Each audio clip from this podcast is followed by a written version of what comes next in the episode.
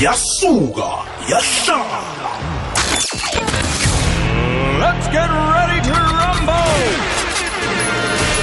Wait a minute, this is huge. He's 7.17. He's taken the lead, a world record for McClungu. The man out of Pretoria.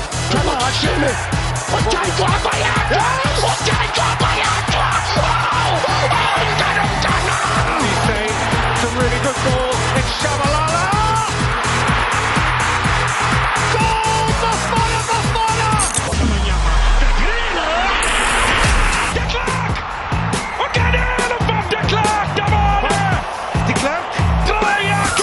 A save!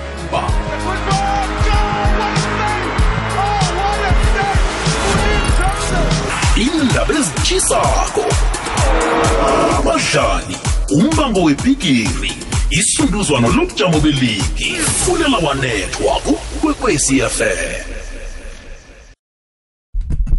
kuphi nakuphi angikwamukele mlaleli ngikulochise kizo zonke indawo lapha ulalele ukhona.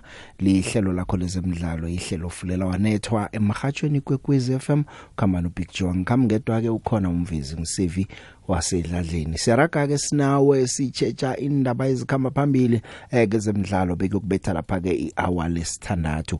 Kanti ke into nje ngifuna ukuyichoke ukuthi ihlangana nendaba esiziphetheko namhlanje siphethe nezibuya le eRwanda ku FIFA Congress. Kunenqundu ezithathwako lapho eh bathatha lapha kama decision okungukuthi ke na ungakacheji kuhle ngelanga uzothi naso ubona izinto zisenzeke ebholweni ragwako urareke ukuthi lokhu kusukela nini kusenzeka. Manje ke ngalokho ke ngiyakubawa ke ukuthi beka indlebe ulalele uzwisise eh yonke nje ikulumo ekhona namhlanje isikhulukhulu enqunwini ezithethwe lapha ke yiFIFA lapha eRwanda. Uyazi ke ukuthi kune congress kusasa kuyakhethwa eh uyabuyela uGianni Infantino njengoba kunganamuntu ojamelene naye lapha ke embangweni okungamela ihlangano eh le elawula ibhola ephasini okuyihlangano lapha ke eh yayo ke iFIFA. Siziphethe nezekhaya phake zebhola eragwako namhlanje kungolosithathu. Uyazi ukuthi ngabolo sithathu ayisiphethe lapha ke indaba eziphathelene nebhola eragwako isikhulukhulu njengoba kungolosithathu nje. Ngingathoma phi nje? Angithomela ngokukutshela ukuthi Mamelodi Sundowns yenze njaya godu izolo. Mm muhle umdlalo iSundowns yabetha amagondelo 5-1 babetha iRoyal AM eLoftus. Ngale ukuthi bayibethile ke iRoyal AM eh iSundowns itlhayela njengamaphuzu amane ya ukuthi officially sithi ngiyo ingutani kodwa into enye khona engifuna ukukutshela yona ukuthi ke eh imphumela wayizolo automatically uyikhiphile iOrlando Pirates neKaizer Chiefs ekutheni zingathumba ileague. Ngithi abantu bebhola nase bakarwa ukukhuluma ke sinisikhathi bayatsho but anything can anything is possible. Anything can happen. Kunye nokunye kungenzeka mathematically it's still possible. Nje ke Orlando Pirates esebujameni besithathu neKaizer Chiefs esebujameni besine zina 34 points emidlalweni a22 iSundowns ina 59 points emidlalweni a23 ya manje ke uyabona ke ukuthi iPirate the Chiefs noma zingayithumba yonke imidlalo zobuthelele 24 points ngokuthumba imidlalo yonke eseleko le ziyokuphelela lapha ku58 iSundowns eseyina 59 namhlanje. Kutsho kona ukuthi kuphelileke ngombango ukuthi mhlawumnye khani mathematically eh ileague bangayithatha namtjana njani. iSundowns eh ingamele ingcheme zonke isizini le dominate khulu. Kusele nje imvekana eh namalangana ukuthi siyibize ngengutani eh ezikhona ezitsha eh ihlandla lesithandathu ngokulandelana la eSouth Africa ngikhuluma la ngesicema semamlo Sundowns. Khona ke ukuthi konke lokhu kwenzeka kusasele 8 games sesikhulu ukukhuluma ngalendlela ngicabanga ukuthi kuyakutshela nje ukuthi ingcheme ezinye zikude kangangani zisemva kangangani neMamelodi Sundowns. Eh solo kwafika bakwamtsipe esichemeni seSundowns into zichugulukile ezingalendlela zange zathoma njalo kodwa nanzi eh zichugulukile ngaphandle nje kwabadlali eh nebackroom staff yeMamelodi Sundowns ukhona ukubona nje nabakubelela ukuthi lo wenzani lo wenzani ubone nje iquality yabantu abababutheleleko. Jama ngiyokuthengisa nangibuyako siyayiraga indaba le hlelo lezemidlalo ihlelo fulela wanethwa mhajo igwegwezi FM Rawubona kumnyama khulu kuzokuvela umkhanyo. Ikwekwezi. Phila njengomuntu osemkhanyweni ngombana umkhanyo oletha ukuphila. Fulela wanethwa. sesikhona magalima eh uhlangana nabo ma abalithumi nambili abosofengwana bala eAfrika bayokuphatha imidlalo ku FIFA Women's World Cup akhona ngiyakwamukela ngiyakulochisa emhathweni kwekwez FM yechema Thank you so much for having me. Thina siyabonga. Nathi simasewula Afrika sithabe njengawo ungacabanga ukuthi ithabo ngelakho kuphela sithabe kakhulu eh ukuthi siyokuba nosofengwana wokthoma eSouth Africa uyokuphatha ibigiri yephasi eh onguma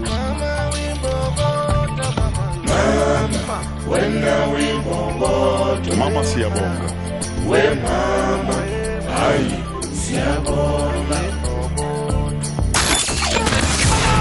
uBig Joe ehlelweni fulela wanethwa ukwekwezi FM. ya imizuzu nje ilithumi nemizuzu emine ngemva kwe hour lesihlanu.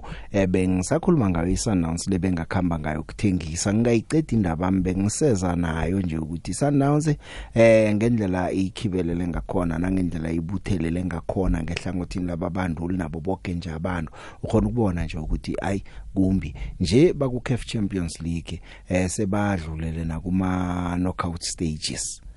Manje ke uyabona ke ukuthi ke njengoba imidlalo yeraga nje kuzakumele umdlalo wesichema sePirates neSuperSport United ekunumber 2 na 39 points. Sundowns neChiefs ziuqalisise umdlalo lo ngomgcibelo eOrlando Stadium. Nange eOrlando Pirates ingathumba eh, kuzakutsho khona ukuthi umbango wobujamo besibili eh, uyavuleka. Njengoba ke izabe ibamba iSuperSport leya ke bese nezinye zikwazi ukuchitela kodwa na ithumbile kuOrlando Pirates kuza kutsho khona ukuthi iSundowns ihloka nje amaphuzu amabili ukuthi ithathe ileague le. Nephuzo elilodwa lingalunga kusase kuye ngegoal difference. Cedile iSundowns cedile iSundowns eh ya.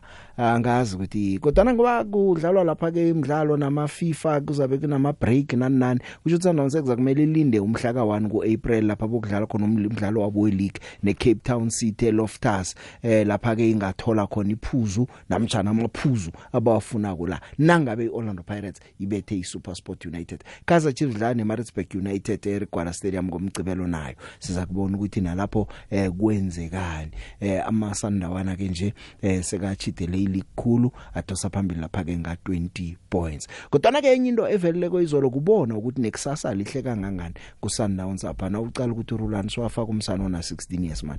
Usiyabonga amapena. 16 years umntwana wenza grade 10 izolo bekadlala umdlalo wakhe wokthoma eh ku DStv Premiership. Msana nokho okhombisa ukuthi ngathi unetha yena. Ngizwe noRulani athi umkhumbuza ihloko leya uGift Leremi. Manje bese kubuzwana ukuthi ngomncane kunabo bonke abakhe badlala na? Eh umkhanyiseli siwahlana nginganamala ngathi wayena 15 years nakathoma ukudlala ngaphakathi kweleague ekulu ebhadelwa kweSouth Africa. Eh lapho ke mhlambe nginamala eh nakukhona neqiniso uzangilungisa kodwa na umkhumbulo wami lona usebenza kuhle umkhanyiseli swahla wayena 15 years nakathoma ukudlala umdlalo wakhe okuthoma usiyabonga amabhena eh, una 16 years udlalile. Uyambuka urulani kodwa na uthi hey ke ningathatha ke nimfake ngaphasi kwegandelelo nimbuke khulu. Eh uthi uzokukhumbula mos ukuthi kunomdlali nangiya Augustine Mahlonoko.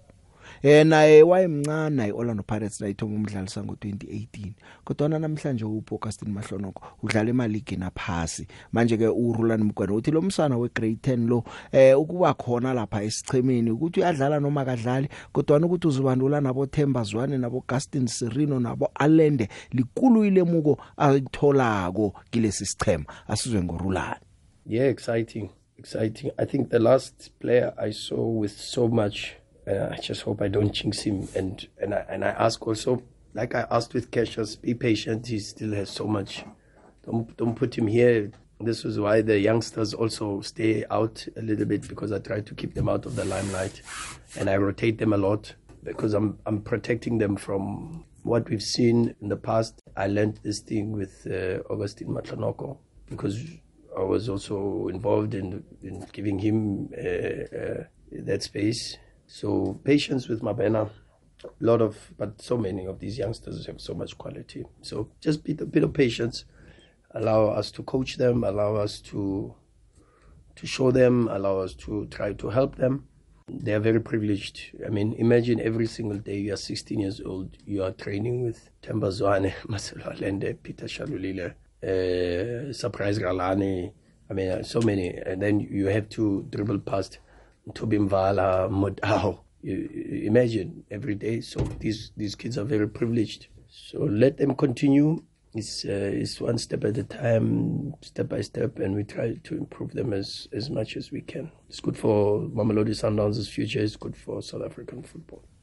Ya eh umsana ke nokho asimakhele umkhanyo iseseyide indlela kodwa na yena uyathembisa. Na ubona bokeisha Smayilula nje ukuthi benzani eh ukhona ukubona ukuthi naye ke mhlawumnye eh angathoma naye asenze sithwala amehlo. Ku under 17 imidlalo dlala i-national team under 17 uyabetha amagondelo hle umswa kwamabhena.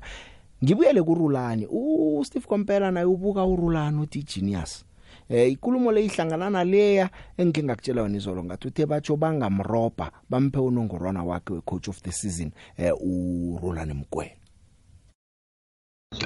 First of all, the guy is unbelievably intelligent. He is brains, brains, brains. You never get into coaching and succeed at a young age without brains. He's genius. And unfortunately, in modern management, it's not only about the capability to do your job, to be a great technician. It's about managing the rest of the other dynamics around you. And one one friend of mine, Roger Desa, once said, 90% of our earnings, 90% of what the coach earns is about everything that happens around. And only 10% is about what they do on the pitch. And I think Coach Rulani has mastered that. He's very calm, calculative, he sees things in time, and the wisdom and ability to respond appropriately. And I make no mistake, it's not easy to be head coach at Sundowns. In fact, any big team.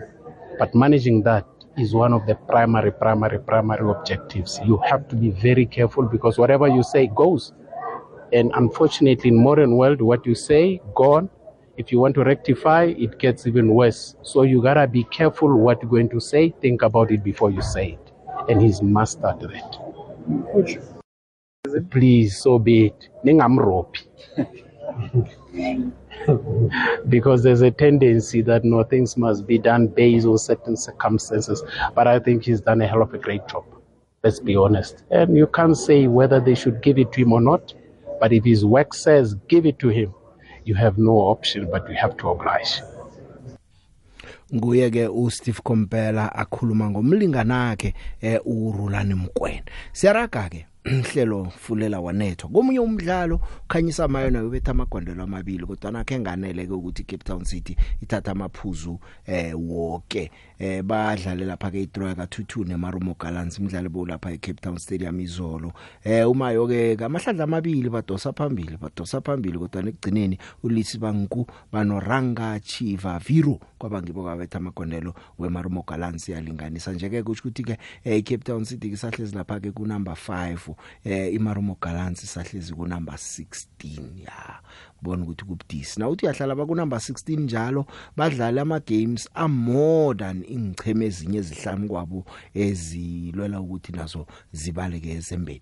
UEFA Champions League zibuyile ke ku Champions League zibuyile hle ku Champions League. Erling Haaland ubethe amagondela amahlanu bengisakhuluma ngayizolo ukuthi hey ukuthi uthi ibhola uyayazi noma akayazi le yangifuna uyingena mina. Ngazi umuntu owazi ibhola nifuna gijime njani. Umuntu owazi ibhola nifuna itrap enjani. Kodwa nomsebenzi wakhe kubetha amagondelo okumsebenzi awenzako. Bethe 5 goals Manchester City yadlulela kuma quarter finals waleli phaliswano. Babetha lapha ke iRB Leipzig. Eh bayibethe ngo 7 not 81 aggregate beke nerecord elicha eh, lomswa lesichema seManchester City. 39 goals. 39 kusadlalwa na nje kusadlalwa na nje ya kubudisi uyawacobela lomswa. Eh asazi ke ngoba bakabe uyithumba ke iChampions League. Eh kodwa na ke phambilini bebanganayo mbithi magondolo fana noErling Haaland. Asazi ukuthi kufika kwakhe kuzakwenza umehluko namtjana njana. Una 22 years. Sekana 33 goals emidlalweni eyi25 eh ku Champions League. Uyadlala lo mso Erling Haaland. Eh uba mdlali wesithathu emlandweni ubetha amagondelo amahlanu emidlalweni owodwa weChampions League. Eh omnye wakho okwenza lokho nguLionel Messi asese kuBarcelona ngo2012 noLuis Adriano weShakhtar Donetsk ngo2014 lomswa uba mdlalo omncane khulu ukufika emagondelweni amachuma amathathu. Phambilini record beliphethwe nguKylian nguKylian Mbappe. Yena ke ufika emagondelweni amachuma amathathu weChampions League ana 22 years 236 days. Eh uKylian Mbappe wakwenza lokho nga 22 years 352 days nguHaaland loyo ke. Sakubona ukuthi kukhamba njani. Eh na ucala kone 30 goals lo uyifikelela ngemidlalo emincane. 25 games ayidlala ku Champions League sekana 30 goals. Phula i record la ka Ruud van Nistelrooy abeka khona amagondela amachuma amathathu nga 34 matches. Mswa uErling Haaland ithumbile eh, iManchester City ngaye. Kanombaneli uPep Guardiola eh uthi noma ngayithumba iChampions League neManchester City but uh, ubhlungu abuzwe lokha uJulia Roberts. Julia Roberts udlala amafilimu eHollywood. Bekeze Manchester batsho kodwa nowakhamba waya ku Manchester United kuphela akhengeze zobavakatshela bona njenge Manchester City eh uyatsho uthi mani ngimthanda khulu utatelo yobala abantu abathanda kwaba actorko wathumba ama Oscar nakho konke uthi uze eManchester kodwa nakhengeze kithi wachinga lapha eh, Old Trafford utsho njalo uzwa ubhlungu eh, umswa kwa Guardiola I'm a failure in Champions League. so don't worry. Listen, I'm going to, to, to, to explain a secret. So whatever happened this year in Champions League, winning, uh, even if I win this Champions League, we win this Champions, we win this Champions in three Champions League in a row, I will be a failure. I'm going to tell you something. I have three idols in my life: Michael Jordan, Tiger Woods, and Julia Roberts. Okay, these are my three idols. So for obvious reasons, Michael Jordan and Tiger Woods is not it, and Julia Roberts as well. So Julia Roberts years ago came to Manchester. Not in 1890 with Sir Alex Ferguson win the titles, titles and titles and titles. Came in the period like we were better than United this four or five years, huh? And he went to visit Man United. He, she didn't come to see us. So that's why this is even if even I win the Champions League will not be compared for the fact that Julia Roberts come to Manchester, they don't come to see us. So my idol. So that's why whatever happened, even I win the Champions League, will when you compare for the disappointment I had. So that you have to know it.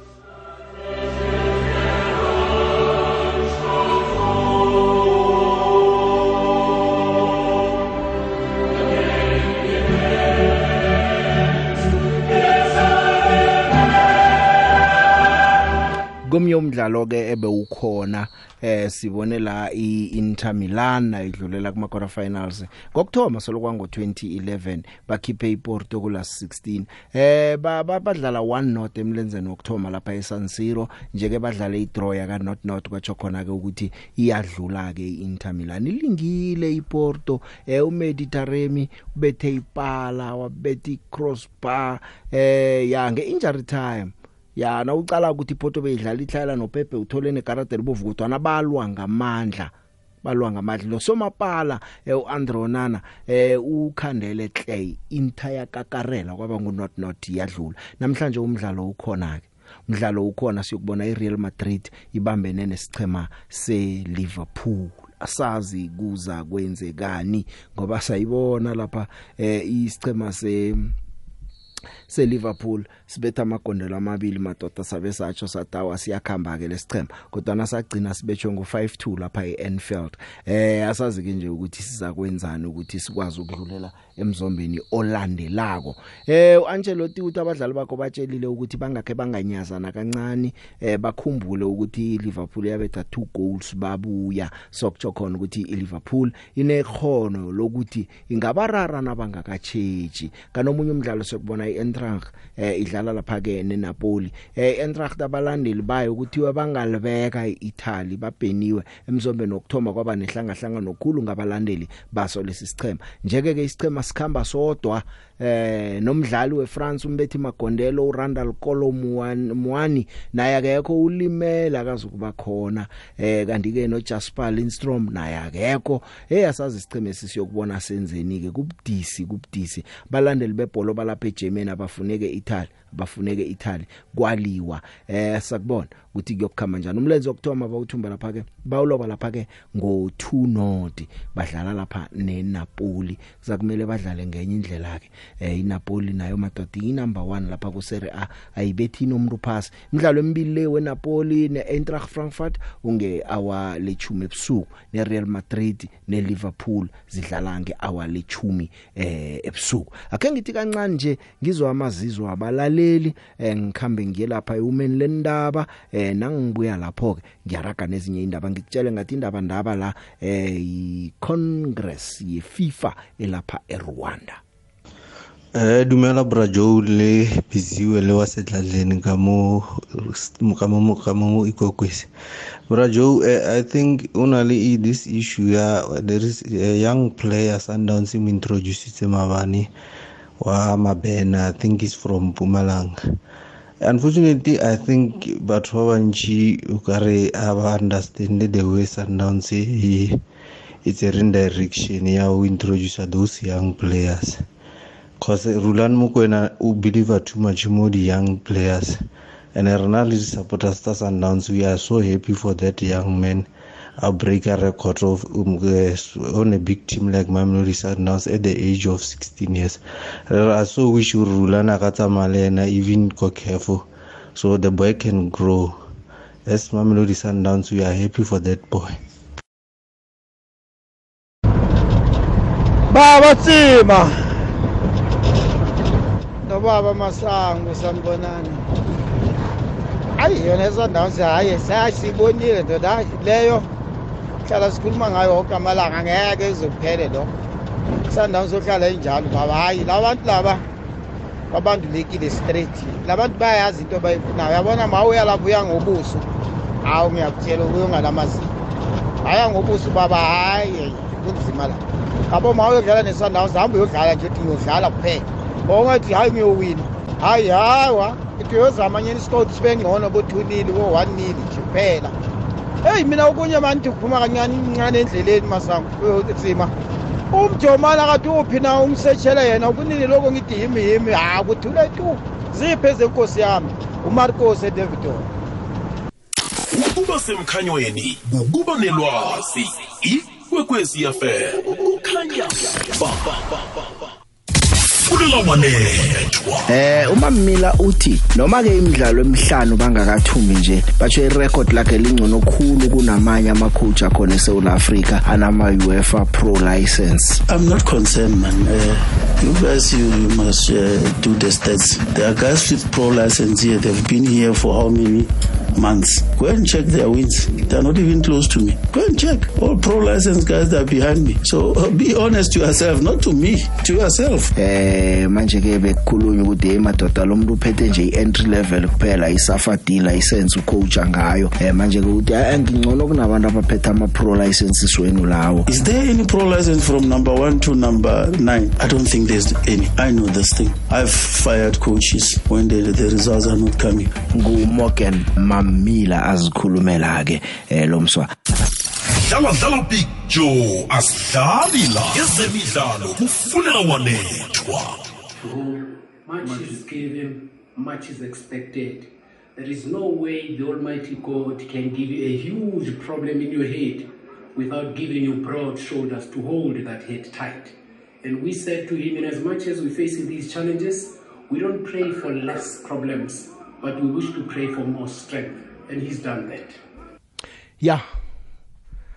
Siyaraga ngisese lapha ke nje ekhaya apha. Ngicale ku Mutsipe Foundation Championship lapha eh umbanduli wesichema se Cape Town Spurs uShawn Bartlett alila ukuthi uzokuba nomraro ukuthi isichema sakhe uyokwenzani ngaso ngendaba yabadlali ba under 23 eh baphumile ye Nedbank kodwa ke basebujameni ubuhle ngikhuluma nanje basebujameni bokthoma lapha elokweni. Eh Mutsipe Foundation Championship bana 47 points emidlalweni 823 eh manje ke ke kubudisi ngoba ke eh abadlali bakhe abahlanu babiziwe esichemeni sesigiyani seUnder 23 siyokudlala neCongo eBrazzaville. Eh iCongo Brazzaville inyanga le imidlalo emibili elandelanako. Ngusomapala uLincoln Pfeiffer eh emidlalo wemva uWayne Dudley eh ngukhaya Mfecane striker uAshley Cupido nobuyitumelo Radio Pan eh base sichemeni sika David Notwane bayi29 asazi ke ngoba usayosiphungula ababe23 laka ngabathatha bonke boyi 5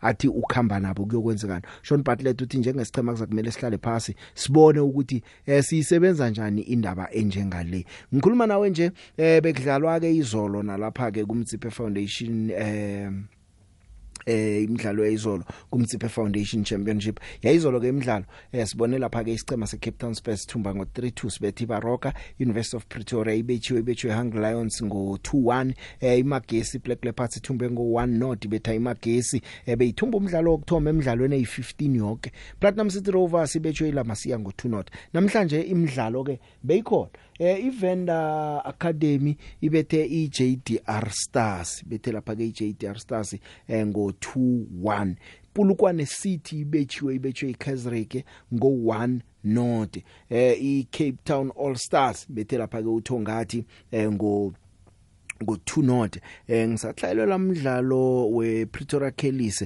eh neTTM angazi uphele njani. Ngicine ngehalf time kuyi not. Not angazi ukuthi umdlalo lo ke uphele njani kodwa na ke ngizakulinga ukuthi ngiyithola imphumela ngaphambi kokuthi ngiphume la manje ke ngemva kwemidlalo yanamhlanje ingchema zidlale 23 games zonke Cape Town Spurs ihleze ebujameni bokthoma ina 47 points. Pulukwane City sebujameni besibili nga 46 points njengoba ibethiwe nje namhlanje kodwa na ke ihlala lapha ke ngegoal difference. Na uthi uyachecha Kesrick Stars sese ku number 3 nayo ina 46 points. Eh kusho ukuthi ke zichiwa iCape Town Spurs sebujameni bokthoma ngephuzo elilodwa. Hungry Lions ku number 4 ina 39 points.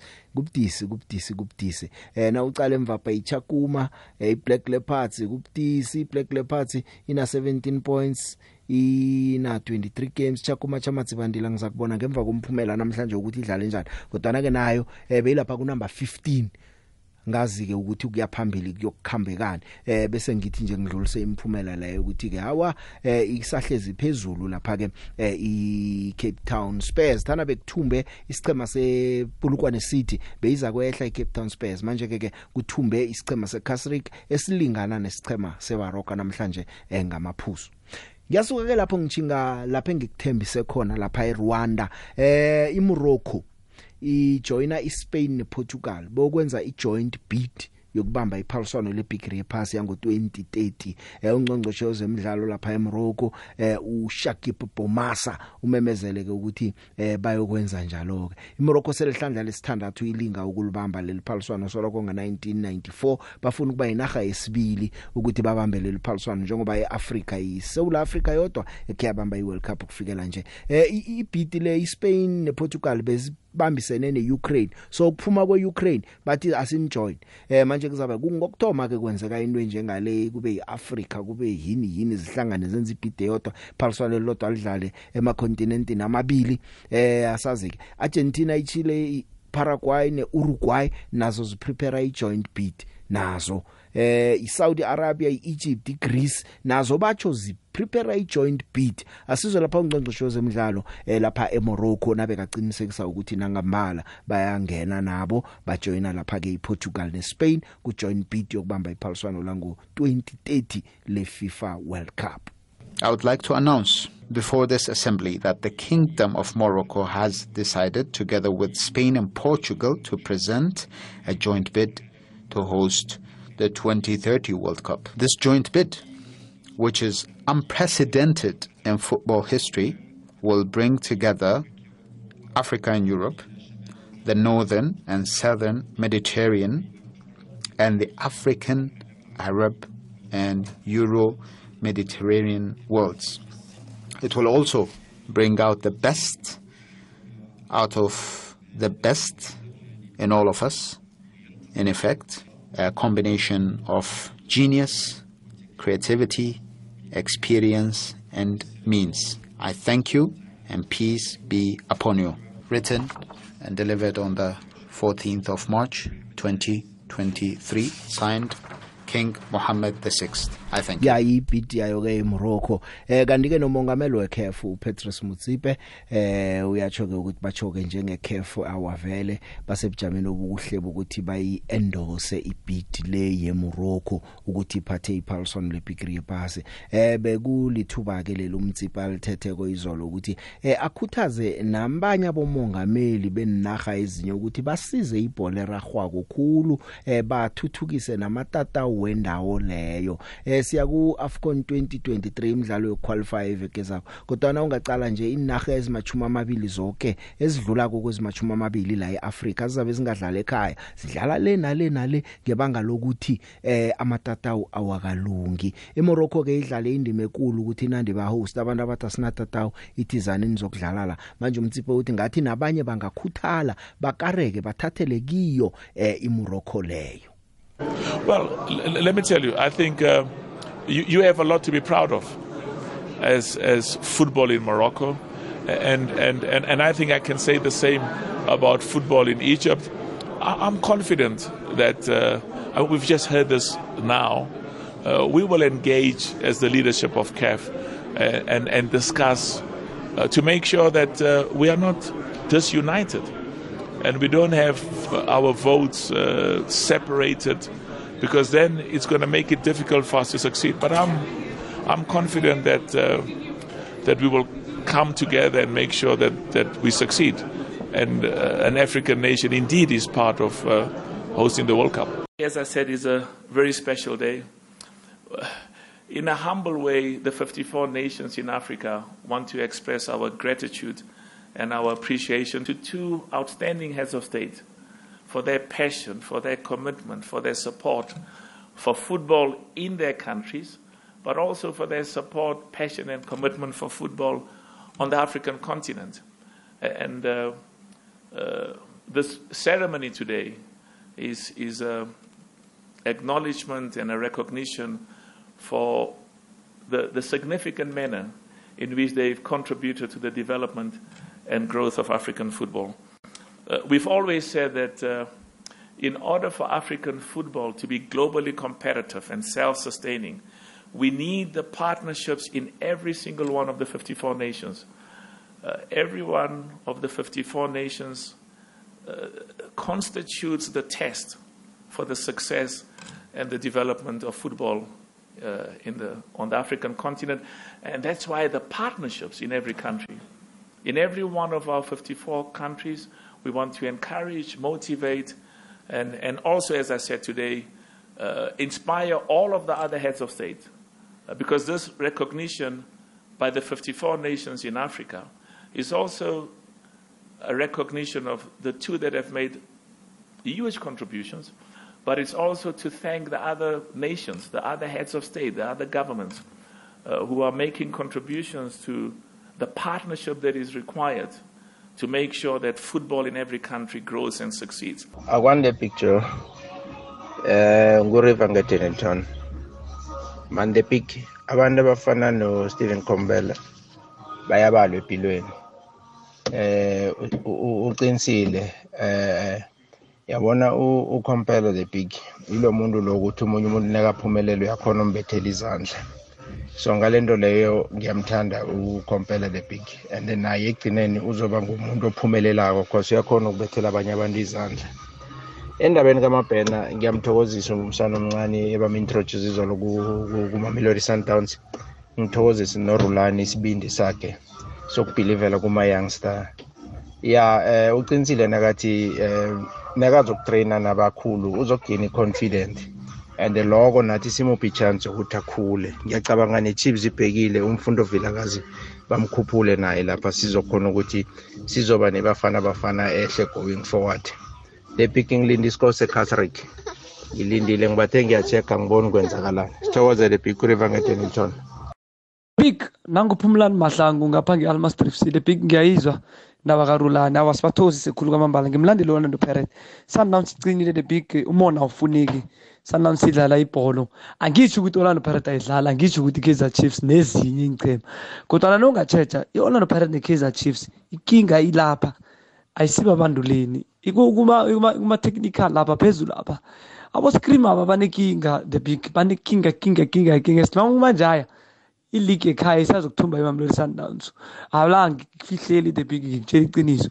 Nalapha ubhobi lapha ku-chiefs abaso ongananjaya ba-arrogant ngendlela bangakho ngayo njaya kunalaba yako the big angifuna ukutshela amanga ngoba uthatha umsayelo omncane uthi amfaka net wenza iphutha kuyaliyo uphi undawo? Ubethe on goal unda kuthenya akekho okhuluma ngonda mara unda besimbuka unda mncane the big besimbuka simthanda sema-orlando pirate supporters mara uphi unda nje? Kuthenya konda khumbula nomayela wabethe on goal last of last eh, season yakho. Wabethe on goal dlale lo phathi. Wa- wanyame three weeks four weeks angadlali angalimali the big. So ukhona ubona ukuthi ah ah ah ah, kunenkinga lapha. So nguphumlani mahlangu ngapha nge-almaster f c. Khe lotsha lotsha the big umbili la estangia the big. Eh the big ngithanda ukuthokozisa isichema sami semamelodi sundowns ngokuthumba izolo the big. Eh ngiyajabula the big makudlala uh, umsana omncane ngale ndlela the big kusho ukuthi ibafana bafana nayo iyakhula. Nangeligi ngendlela engijamele ngakhona ingichema njengoba zicacamele kanje the big hayi kusho ukuthi bafana bafana iba strong the big mara kuzosilimaza abokhoji bethu aba- aba- aba- abakhoja ibafana bafana the big abasana laba abancane the big ngeke bebabize esichemeni ngeke the big funa sibonelele lapho the big ukuthi the more kuba nama-young superstar the big kumele adlale Hey Big Joe, evatafal khoma nohlezi phi mahlangu ikhosi lady. Ya ku Man City ufikile uHaaland. Ufikile uHaaland. So ngiyacabanga ukuthi mhlambe iChampions League yalonyaka izoba nomahlukonyana ngoba hey uyawabetha amagondelo nangumswa. So yazini ngiworried ngoPep Guardiola yazi. Phela kwe ecup alifuna kuleli Champions League. Ngamanaluzi League yazi ngimfisela ukuhle kodwa uPep Guardiola nethi njengoba namhlanje kudlala iReal Madrid neLiverpool siyazi ukuthi iReal Madrid iyasihlagisa nami kubi nje musisichema enga si singiphupdisi not to say ukuthi ezinye izigiyazinyaza mara iReal Madrid ngiyo engiphupdisi engingathuka ukuthi nasikahlangana neMan City ingasenzela into eziphasi. But unyaka lo ngithi sigadanga ngelinye inyako so iMan City ngiyifisela ukuhle kodwa. Sharp Um Big Joe Lodge. Uyazi um ngiyayizwa inkulumo ka Steve Khombela and then i i- i justifiable ne. But ke sicale so. I Pirates is the only team now ephethe icup. Uh if it's a fact. So u- kuzokwenzakalani if i Pirates can win i Nedbank Cup again? Yes, it's gonna it's going to be difficult, but then possibilities are there. You understand? As zange say counter out, say counter out the mayidlala ne Sundowns ku MTN but then they manage ukuthi bayiwin MTN. So if i-coach ye Pirates can win two cups, ne? Kusho ukuthi uRulani uzaba win one. Ne? Yes, i-league ikulu mara two yama cup uh, and then i-Nedbank West iquali ba qualifyela ku continental tournament. So eh must we say ukuthi uRulani because uwine so much games eh eh ku league city um lowe pirates ama cup akhe ayi2 doesn't worth i i i, i performance ye, ye, ye Sundowns i'm just throwing the cat amongst the pigeons. Thanks big you. Big Joe akwande the big. Hayi Big Joe Sundowns icedile the big. Sundowns into kumele siyibheke kuyo ukuthi ithatha iligi ngamapoint ayingani Big Joe. So leswa kubalabala kunjani njani? Sundowns ifambe khale ka 10 games leyingayenza Big Joe wabona so hayi i can see Sundowns iyona team ni bonakala South Africa team iriyosi letin'wana to heleketa to ikhapa amabana ivondwana Big Joe akwande bracho iyavela hayi iligi ngokuya ngami vele iphelile i-sundowns seyithethe ebile kubonakele from kwakade vele ukuthi hayi iligi seyiphelile ngendlela sibona i-sundowns beyiwabuthelela ngayo ama- amaphuzu nangendlela esawabuthelela ngayo. So i-chiefs nepirate sithembe bona isizini ezayo mhlawumbe ababandluli bethu kuzaba nomehluko. Khe kube ne-competition engcono nyana lapha. Mhlambe i-sundowns khe siyijamise nyana kancane. Enye yezitho lezi zesoweto ithatha iligi sona nje zisesekhona lapha kunedbank netrol yangibonile ingijamele kuhle. Plus azikahlangani izo ntathu kuleli hlandla mhlambe kulas four kula zizokuhlangana khona nange zingathumba. Bese ke mbili zakhona ziya ku final in team endathu ze South Africa. So hayi league isikhohle ngayo Brajo sakubona kuhle season ezako mhlambe baza kusayina nama player ngcono thokoze ngusaye ngapha ngemloto ya mibono eh yomlaleli. Khona uthi hey pirate naye ngawina ke niyokuthini ukuthurulana kabe coach of the season kodwa pirate iphethe i MTN 8 iphethe ne Nedbank Cup. Ya wabeka ngesikhuwa I'm, I'm just throwing the pigeon yeah amongst the cats. So kusho ukuthi senza kubuza nibonane nani ukuthi khani nanifuna uyingena indaba leni ingena nithini niyayifakaza namtjana niyayilisa na? Kodwa na ke sembono eh ngiyayithanda imbono. Jama ke ngaphambi kokuyokuthengisa ngikutsheleke ngibuyelele godu. Venda Football Academy 2 JDR Stars 1 uthongathi North All Stars uh, 2 eh Pretoria Kellis ne TTM ngibe ngijoda ngabo laba baqede ngo North North Valley. Bulukwane City North Kesrick Stars eh ithumbe ngo 1 North. Ngabe ngakutshela ukuthi i top 3 yi Cape Town Spurs kuze iPulukwane City kuze iKesrick. Ku number 1 2 3 lo ngiyokuthengisa. Dlala dlala picture asidlali la. Ezemidlalo kufuneka wanethwa. Simon Ngomane eh wayi director of coaching lapha ke kuSafa ngaphambilini. Babungomane kuyakhulunywa ngapha nangapha ngedominance ye Sundowns abanye bathi technical team yakhona it's too strong. Isupport sometimes akuyona ukuthi kufuna uzuqasha umuntu. Ungamletha omunye umuntu as a consultant ukuthi indoda cela usibhekele ngehlo lakho langaphandle. Ngoba phela manje ngaphakathi niyasha nidinga abantu abangaphandle ukuthi bazonibonisa ukuthi hayi bo lo mlilo omningi ngapha phumani ngapha. Leyo investment amaqembu afana no-sundowns bakwenzile lokho. And ngiyacabanga ukuthi na-overseas lezi kudlala i-world cup manje sibonile amaqembu aya-investa kakhulu ku-backroom staff. Kodwa babe besebenza naye behind the scenes. Akusiko bonke abantu okufuna ukuthi bayohlala ebhenchini manje thina ningizimu afrika coaching sithatha ukuthi yila abantu abasebhenchini abahlezi khona kuphela. Funeka wanethwa ya hlelo sesiyange kulusongeni ke eh ezinye indaba ezibuya lapha ku Congress ye FIFA ngezithi FIFA imemezele ukuthi iphaliswano Olympic area pass yamadoda ngo 2026 eh liyokthoma lapha ke ngama group stages. Lapha kuyokuba nama group ayi12 igroup ngayinye ibe nenaga ezine. Eh phambilini ke eh beku bebakhulumisa ukuthi kuyokuba ama group ayi16 nengichemeni rathu bayijikile nalapho. 12 groups 4 teams eh lokubanjwa lapha eUnited States eCanada neMexico. Kuzabe kungelokthoma elinenaga eziyi48 zisuka ku32 zikhuphukile zijinge lapha ke ku48 kanti nemidlalo yokudlalwa lapho minengi i104 eh na ucala ukuthi ngo2022 sibone imidlalo eyi64 ikhuphukile ke imidlalo yokuba sephaliswaneni lebigiri yephasi. Kuzokuthama number 1 nama number 2 eh kuma groups lawo eh nama number 3 ay8 adlale kuhle ema groupina eh bese ke ziyadlula ke ziya lapha ke kuma knockout stages wephaliswano kanenye indaba ke ebuya lapha ngethi iAl Ahly neWydad Athletic Club eh nengicheme embili ezizokuthumba iCAF Champions League kusukela nje ziyokompita eh ku FIFA Club World Cup ezabe iseyingezelelwe inaga ingchema seziyi32 bathethe isicundo esoke eh iphaliswane lekuthiwa ke selokubanjwa lapha ke every 4 years. Ukusukela ngoJune waka 2025 iFIFA Council ivumile ukuthi kube njalo. Kanti ke nendaba yokuthi ngiziphi inaga eziqualifier ukudlala kuFIFA eh ku ku ezidlala lapha ke ku Club World Cup baqale lapha ke ukuthi eh zinaga ezine la eAfrica kuCAF ekumele ziye lapho. Eh bajoke ngabathumbe iCAF Champions League kusukela ku2021 kufikela ku2024 ngikho ngizibala lezembili sesakubona ukuthi ama Champions League amanye ezaka yokuthunjwa bobani. Ngizo ke zokuthinga kuleli phaliswano eh, le FIFA Club World Cup League eh manje ke sakubona. Ya batshona ngabe kunesichema esodwa mhlawumbe sesithumbe embili or more ama Champions League ngaleyo period ekuzabe kucalwa ngiyo kuyokucwala ama rankings wama club ama club rankings ukuthi ke zijame njani ngichemezi lapha ke kuma rankings kodwa na kunenye into kodwa bayikhulumako ukuthi two clubs per country. Ya. Batsho njalo wathi ultenagene yodwa kwin club eziningi.